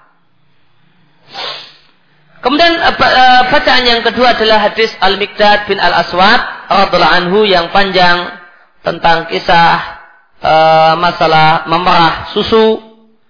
Uh, di sana disebutkan doa Nabi Shallallahu Alaihi Wasallam ya, ketika na, ya, Nabi masuk ke dalam rumah dan beliau jumpai sudah ada perasan susu onta, maka Nabi kemudian minum uh, susu yang ada. Setelah itu Nabi berdoa. Allahumma at'im man at'amani wa asqi man asqani. Ya Allah berilah makanan pada orang yang telah memberikan makanan untukku dan berilah minuman kepada orang yang telah memberikan minuman untukku. Diatkanlah Muslim. An-Nawawi mengatakan uh, kandungan hadis ini dalam hadis ini menunjukkan anjuran untuk berdoa kepada mendoakan orang yang telah berbuat baik dan mendoakan orang yang telah memberikan pelayanan atau pembantu dan mendoakan siapa saja yang telah melakukan kebaikan kepada kita. Wada'i fa'ilun lil khairi uh, dan orang yang orang yang dai, orang yang mengundang kita makan ke rumahnya, maka dia telah melakukan adalah orang yang melakukan kebaikan. Maka berdasarkan perkataan An-Nawawi, waliman yaf'alu khairan dan kita doakan orang yang melakukan kebaikan kepada kita, maka orang yang mengundang kita makan dan termasuk orang yang melakukan kebaikan kepada kita, maka kita selayaknya mendoakan dia sebagaimana Nabi mendoakan orang yang telah menyiapkan uh, susu untuk beliau. Kemudian bacaan yang ketiga dilihatkan oleh Abdullah bin Busar, sesungguhnya ayahnya membuat makanan untuk Nabi Shallallahu Alaihi Wasallam. Lalu uh, ayah dari Abdullah bin Busar yaitu Busar mengundang Nabi Shallallahu Alaihi Wasallam untuk datang ke rumahnya untuk makan, maka Nabi pun datangi undangan makan dari Busur. Falamma faragha min ta'amihi setelah Nabi selesai makan, Nabi berdoa, Allah maghfir lahum warhamhum wa barik lahum fima razaqtahum. Ya Allah ampunilah mereka, warhamhum sayangilah mereka, wa barik lahum fima razaqtahum dan berkailah rizki yang kau berikan untuk mereka. Adab yang terakhir dari bertamu ada dianjurkan bagi tuan rumah untuk keluar dari rumah mengikuti tamu sampai pintu rumah. Maka ini adalah kelengkapan dan kesempurnaan uh, menyambut tamu. Ya, mengantarkan tamu sampai pintu rumah. Wahusnul ayat ini adalah perhatian yang bagus yang diberikan oleh pemilik rumah kepada tamunya. Dan ini adalah satu hal yang menyenangkan tamunya hingga dia atau ya, membuat nyaman tamunya sampai tamunya meninggalkan rumah. Masalah ini, adab ini mengantarkan tamu sampai pintu rumah tidak terdapat hadis marfu yang sahih. Yu awal alaihi yang bisa dijadikan sebagai acuan. Namun dalam masalah ini terdapat akar riwayat dari salaful ummah dan para imam. Cukuplah kami sampaikan di sini satu asar atau satu riwayat. Yaitu kisahnya Imam Ahmad dengan Imam Abu Ubaid Al-Qasim bin Salam. Yaitu Zara Abu Ubaid Al-Qasim bin Salam. Yeah. Seorang ulama besar juga di zamannya. Seorang pakar hadis. Uh, yeah. Demikian juga pakar bahasa pakar bahasa Arab Abu Ubaid Al-Qasim bin Salam. Satu ketika berkunjung ke rumahnya Imam Ahmad bin Hambal. Kalau Abu Ubaid kemudian Abu Ubaid bercerita. Falamma aratul qiyama qoma ma'i. Maka tatkala aku mau pergi meninggalkan rumahnya Imam Ahmad, maka Imam Ahmad berdiri bersamaku. Maka aku yaitu Abu Ubaid Al-Qasim bin Salam mengatakan kepada Imam Ahmad, "La taf'al ya Abu Abdillah." Enggak usah berdiri wahai Abu Abdillah, duduk saja. Ya. Uh, fakal maka Imam Ahmad pun kemudian mendalili uh, Abu Ubaid Al Qasim bin Salam Kala Syabi. Ya, berkata Syabi seorang tabi'in min tamami ziyarati zair antamshi antamshi ma'hu ila babidar Kata Syabi, seorang tabi'in, di antara uh, kesempurnaan ya, menziarahi uh, atau berkunjungnya orang yang berkunjung dan bertamunya orang yang bertamu, engkau sambut dan engkau ya, layani dengan antam syama'ahu, engkau berjalan bersamanya sampai pintu rumah. Bahkan sampai keluar pintu rumah, watak kuda birikabihi dan engkau pegangi tali kendalinya. Dia naik kuda. Ya, maka uh, tuan rumah kata Syabi hendaknya uh, sampai keluar rumah ketika uh, tamunya mau naik ke di atas kuda dia pegangi tali kekangnya ya. dan maka itu yang dikatakan oleh Syabi dan tidaklah diragukan bahasanya uh, meskipun ini bukan hujah uh, ya syabi tabiin dan perkataan tabiin bukan hujah. Akan tapi kita kembalikan kepada bab uh, ikramud dhaif di mana ikramud itu kemarin kita sampaikan tolak ukurnya adalah al-urfu. Maka kita katakan uh, tidaklah dilakukan urf di tempat kita. Ya, urf di tempat kita. Rasanya di antara bentuk pemuliaan terhadap tamu. Ketika tamu ini mau pergi, mau pulang, maka kita antar sampai pintu minimal. Atau bahkan mungkin sampai gerbang kalau rumahnya itu punya gerbang minimal.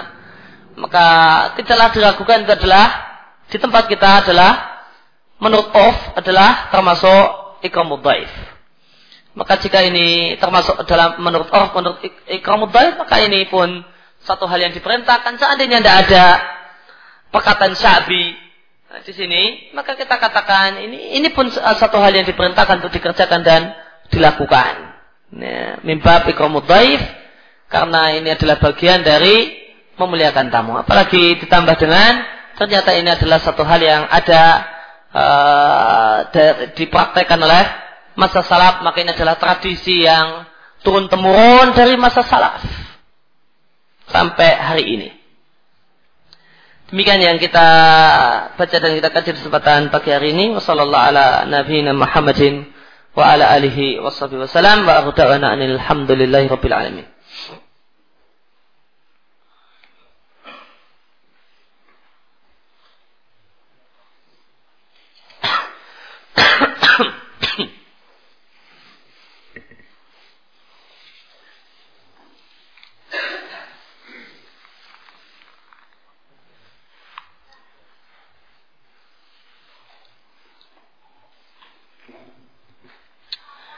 Apa hukum berjabat tangan kemudian mencium tangan pada ibu teman yang ibu itu tidak mau sholat wajib di rumah?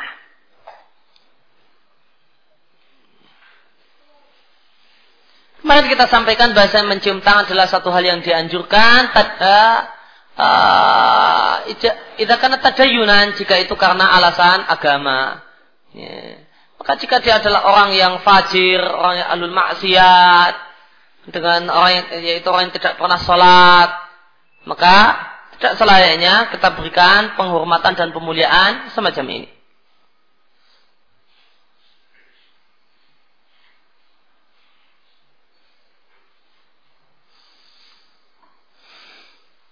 Bagaimanakah hukumnya jarang sekali pulang ke rumah dengan alasan menuntut ilmu Padahal dengan pulang tersebut malah mendapatkan nasihat dari orang tua karena orang tua lebih berilmu ya sebagian sebagian orang ya boleh jadi ya meskipun uh, orang tuanya adalah orang yang berilmu boleh jadi malah uh, dia dapat dari orang lain itu malah lebih masuk daripada dia dapat dari orang tuanya sendiri. Ini banyak kejadian demikian. Maka uh, seandainya dia jarang ke rumah maka pulang ke rumah maka tidak masalah. Seandainya itu tidaklah tergolong uh, insya Allah tidak masalah. Kecuali jika orang tua memerintahkan untuk pulang, maka seharusnya dia pulang.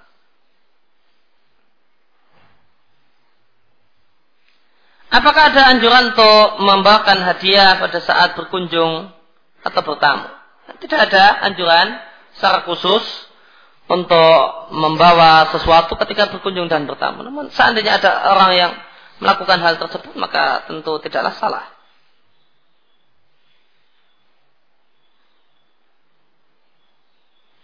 Bagaimanakah hukum mengajari bernyanyi tanpa musik semisal di TK yang mengajarkan nama nama malaikat atau para nabi dengan irama dengan tujuan agar anak-anak bisa cepat hafal. Sebenarnya boleh jika tanpa musik, boleh jika uh, nadanya bukan nada dangdut atau yang lain. Namun ini cuma sekedar uh, bersuara yang enak supaya didengar sehingga membantu untuk menghafal.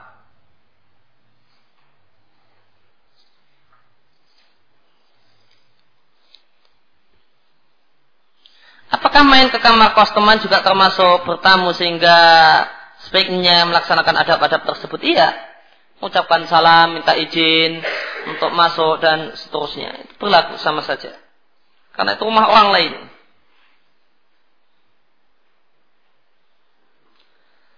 Jika kita sudah dekat dengan seseorang, kemudian ketika berkunjung atau bertamu, beliau mengharapkan kita bersikap santai, anggap rumah sendiri, sehingga terkadang terjadi maka habis makan nyuci sendiri juga ya. Sehingga terkadang terjadi uh, kita tidak bisa menerapkan adab-adab dalam bertamu. Bagaimanakah yang demikian?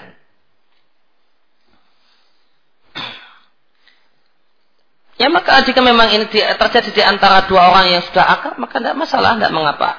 Ya.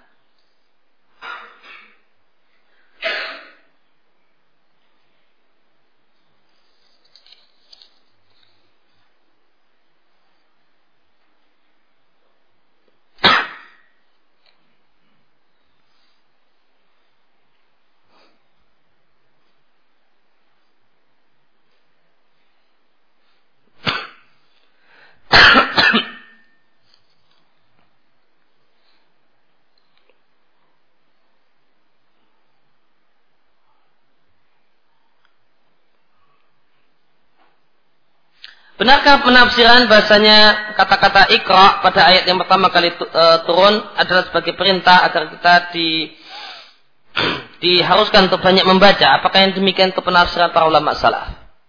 Para ahli tafsir ketika menjelaskan uh, ikra mereka menyampaikan bahasanya di sini utama menunjukkan keutamaan membaca, fadilah membaca, kata membaca adalah saran untuk mendapatkan ilmu dan Eh, maka ayatnya adalah acara ayat yang bicara tentang masalah ilmu dan keutamaan untuk mencari ilmu. Maka tidak mengapa menafsirkannya dengan perkataan sebagaimana tadi disampaikan.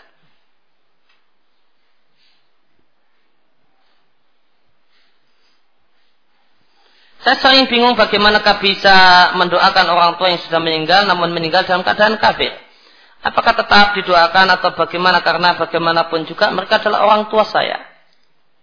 Nabi Shallallahu Alaihi Wasallam pernah minta izin kepada Allah Subhanahu Wa Taala untuk mendoakan ibunya. Ya. Maka Allah Subhanahu Wa Taala pun melarang Nabi untuk mendoakan ibunya. Ya. Nabi tidaklah ngotot bagaimanapun kan ibu saya ya Allah. Ya. Maka ini adalah uh, inilah ketentuan syariat.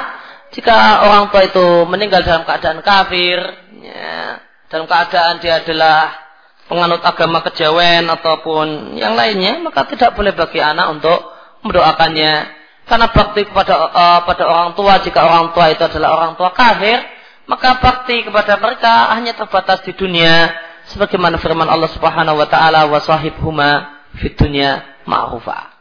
Dan bersikaplah yang baik kepada kedua orang tuamu yang kafir selama di dunia. Maka uh, batasnya cuma di dunia setelah dunia berakhir dengan kematian, maka tidak ada lagi uh, bakti untuk orang tua yang kafir.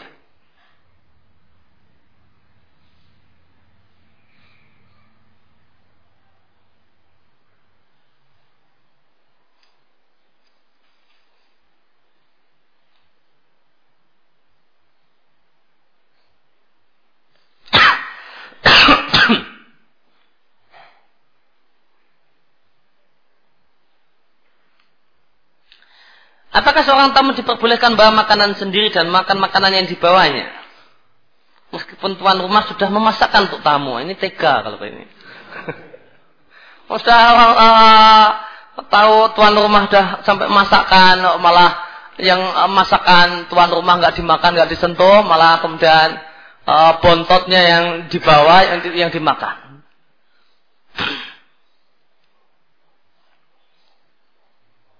Maka selain ini seharusnya dia uh, menikmati makanan yang telah disiapkan oleh tuan rumah.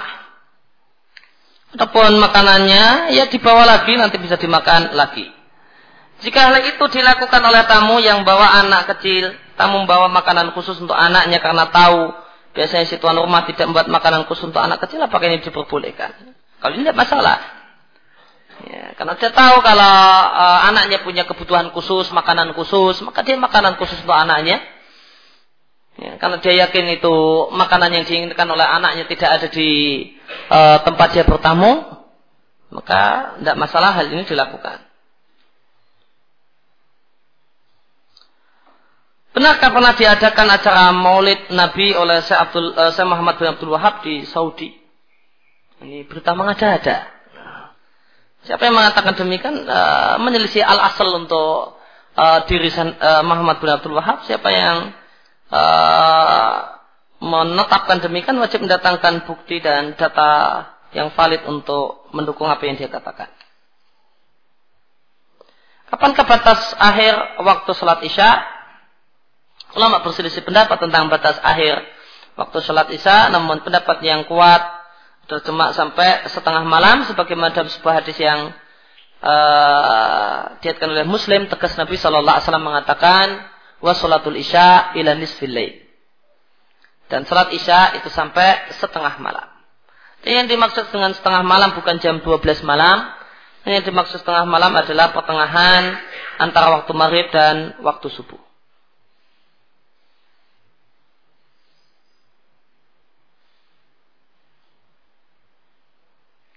Bagaimana jika saya datang ke rumah keluarga tante atau adiknya ibu saya sementara mereka bekerja di tempat asuransi? Apakah saya boleh makan di rumahnya? Jawabannya menurut pendapat yang paling kuat, Anda boleh makan di rumahnya. Karena sesuatu hal yang diharamkan karena cara mendapatkannya, maka itu haram hanya untuk orang yang e, mendapatkannya dengan cara yang haram.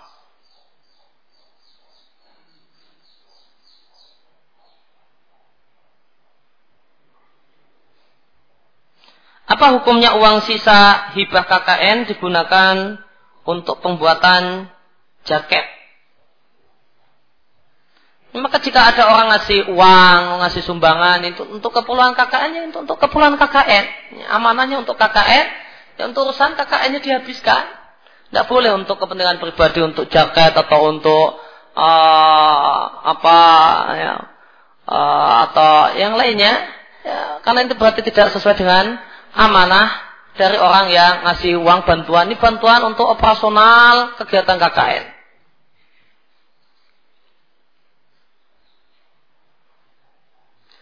Bagaimanakah hukum harta yang diperoleh dari bekerja di pegadaian? Pegadaian adalah riba. Ya, mengadakan transaksi riba, maka pegawai, uh, maka orang yang bekerja di sana mendapatkan gajinya adalah gaji yang haram.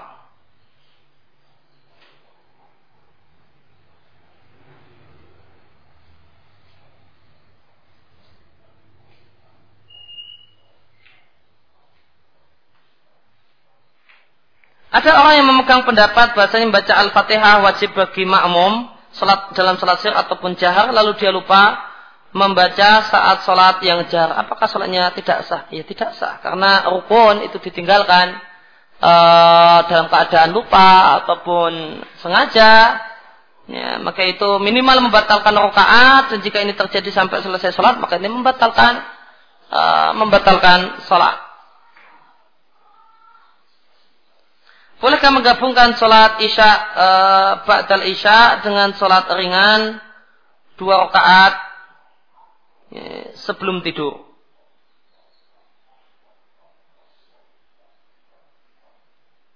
Kalau menurut kaidah nampaknya kaidah tentang masalah penggabungan dua niat, insya Allah boleh. Jika orang tersebut mau uh, bisa kemudian langsung tidur, maka dia bak dia isya Nah, boleh jadi dua rakaat atau ditambah lagi dua rakaat ya, yang menurut sebagian sahabat adalah bagikan uh, pahala latul qadar. Kemudian uh, salah satu dari dua rakaat tersebut dia niatkan sebagai dua rakaat uh, sebelum tidur atau untuk dua rakaat setelah wudhu uh, sebelum tidur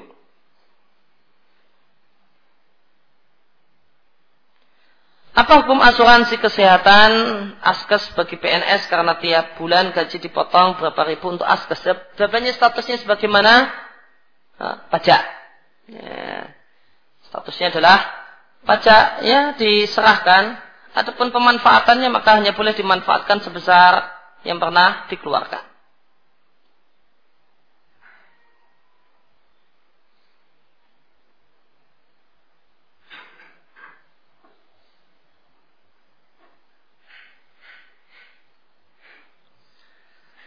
Jika menghadiri acara atau undangan, undangan nikah orang kafir adalah haram, maka apa batasan yang dapat dilakukan oleh seorang muslim untuk menanggapi undangan tersebut? Ya, maka dia bisa datang telat setelah acara selesai, setelah hari besoknya, kemudian uh, iktidar, maaf kemarin ini banyak acara, ya, acaranya baca buku di rumah atau yang lain uh, maaf kemarin nggak bisa datang, nggak ada acara, ya ini baru sempat sekarang, baru longgar sekarang. Soalnya nggak masalah semacam itu. Terus sebelum acara berlangsung, nanti udah pesan besok kami saya nggak bisa datang. Uh, maka ini satu uh, orang insya Allah memaklumi. Tidak perlu mempersulit hal yang bisa dibuat mudah.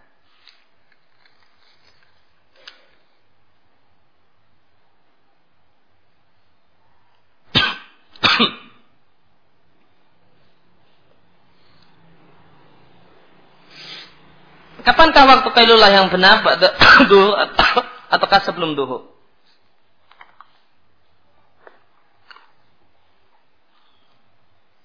Ada tuh salah kailulah itu uh, sebelum duhur kecuali hari Jumat setelah duhur. Setelah Jumat maksud saya.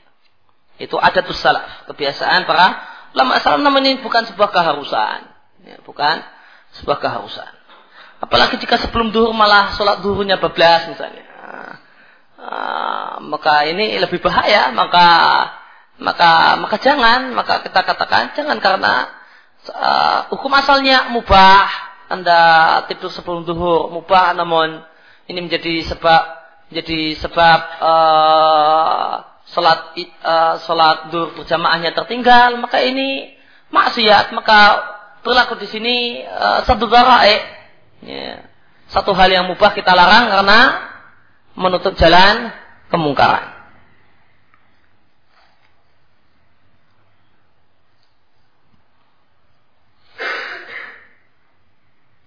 Maka apa yang telah menjadi tradisi di zaman kita kalau kailulah atau tidur siang itu ba'da duhur tuh ndak ndak mengapa ndak harus kemudian kita kembalikan ke adatus salah ya, ndak ada dalil yang mengharuskan untuk uh, mengikuti adatus salaf dalam masalah ini. Maka ini masalah masalah al-urf berkaitan dengan urf mau uh, kelulah tidur siang atau istirahat siang itu kebelah duhur atau kabar duhur maka ini satu hal yang berkaitan dengan al-urfu. Maka urf di zaman kita kailulah atau istirahat siang adalah ba'da zuhur.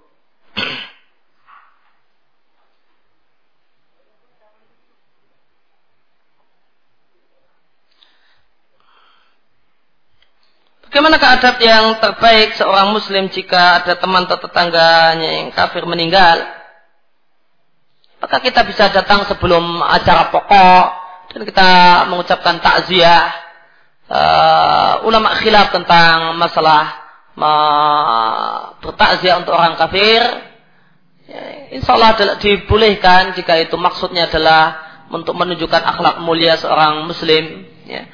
Namun sebelum acara-acara pokok uh, mereka diadakan, datang sebelum itu jika memang harus datang.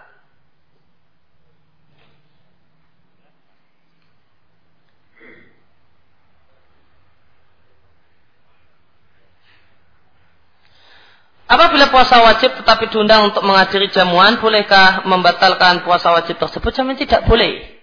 Ya. Puasa yang wajib tidaklah boleh dibatalkan, amal wajib tidaklah boleh dibatalkan kecuali kondisi darurat. Kalau nggak batal mati misalnya, uh, uh, karena uh, karena lapar sekali, uh, lulit uh, punya emah misalnya, uh, ini dikhawatirkan timbul bahaya, nanti harus opnam, macam ya boleh dibatalkan. Nah, kalau cuma sekedar jamuan, acara makan, maka ini bukan kondisi darurat yang membolehkan untuk membatalkan puasa yang wajib. Apakah boleh makan sambil baca Al-Quran? Gimana baca maka, maka ah, masa Bismillahirrahmanirrahim sambil di sini ada nasi gitu? Ah, saya nggak bisa bayangkan adanya membaca Al-Quran sambil uh, sambil baca uh, mak, baca Al-Quran sambil makan, makan sambil baca Al-Quran. Kemudian di antara jika yang dimaksudkan adalah uh, selingan, uh, ngemil, habis itu selesai makan udah baca tiga ayat, habis itu ngemil lagi. Jika ini yang ditanyakan, maka kemarin kita telah bahas di di adab tilawatul Quran bahasanya uh, di antara adab dalam baca Al-Quran adalah konsentrasi membaca Al-Quran. Ya, dan tidak menyelinginya dengan obrolan, dengan omongan kepada sebelahnya. Ya, kecuali jika memang ada satu kebutuhan ya, untuk itu. Namun jika tidak ada kebutuhan maka baca Al-Quran ya baca Al-Quran sampai apa yang diinginkan selesai kemudian silakan mau ngobrol mau bicara dengan samping kanannya atau samping kirinya atau yang lainnya. Ya, maka semisal dengan menyela menyela baca Al-Quran dengan obrolan adalah menyela baca Al-Quran dengan makanan. maka ini tidak termasuk beradab dalam masalah membaca Al-Quran.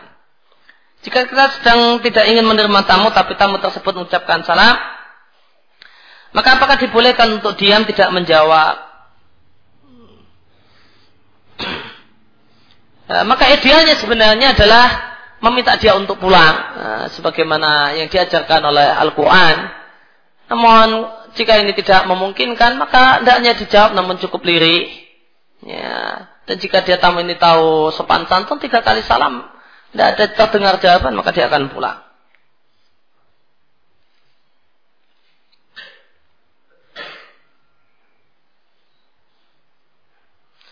Apakah boleh kita membeli barang yang asal usulnya kita ragukan subhat atau keharumannya? Ya. Tidak mayaribuka illa mala yaribuk. Jika memang ragu-ragu, jangan-jangan ini barang curian dan dengan keraguan yang cukup besar, ya, maka tinggalkan lebih baik. Bolehkah seorang muslimah safar tanpa mahram tetapi bersama muslimah yang lain? Ucapannya jika bukan untuk umrah wajib atau haji wajib, kan tidak boleh. Kalau untuk umrah wajib, yaitu yang pertama ataukah um, uh, haji yang wajib itu pertama, maka ulama khilaf Imam Syafi'i membolehkannya. Adapun selain itu maka ulama ijma tentang haramnya. Tanpa ada khilaf di antara para ulama.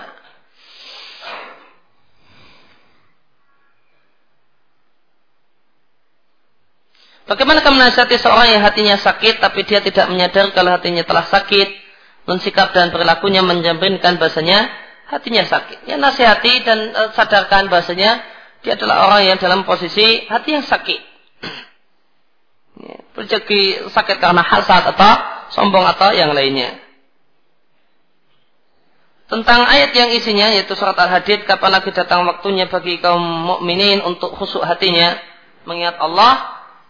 Abdullah bin Umar berkata tentang ayat ini sebenarnya ayat ini telah ditunggu oleh telah ditunggu apa ini? Di sini dikatakan telah ditunggu oleh Allah kepada sahabat Rasulullah Sallallahu Alaihi Wasallam 13 tahun lamanya. Apa maksud dari perkataan Abdullah bin Umar di atas? Jawabannya saya juga tidak tahu. Uh, bagaimanakah menyikapi orang tua yang ingin membelikan tanah untuk anaknya dengan cara kredit, padahal anaknya tidak mau? Ya, uh, kewajiban anak untuk cuma mengingatkan dan mengingatkan. Ya, kalau dan orang tua kemudian memaksakan diri untuk dia membelikan tanah setelah itu dia kasihkan pada anaknya, maka orang tua yang nanggung. Ya, jika ada hal yang menyimpang, hal yang masalah dalam masalah ini, maka orang tua lah yang menanggungnya. Ya, karena jika seorang itu mendapatkan satu barang dengan cara yang tidak benar, kemudian dia berikan kepada orang lain dengan cara-cara yang benar, maka itu halal dan tidak masalah bagi orang yang mendapatkannya dengan cara yang benar tersebut dari orang yang mendapatkannya dengan cara yang tidak benar. Demikian sallallahu ala nabiyina Muhammadin wa ala alihi wa sallam baru da'wana alhamdulillah rabbil alamin. Subhanaka Allahumma wa bihamdika asyhadu an la ilaha illa anta astaghfiruka wa atubu ilaik.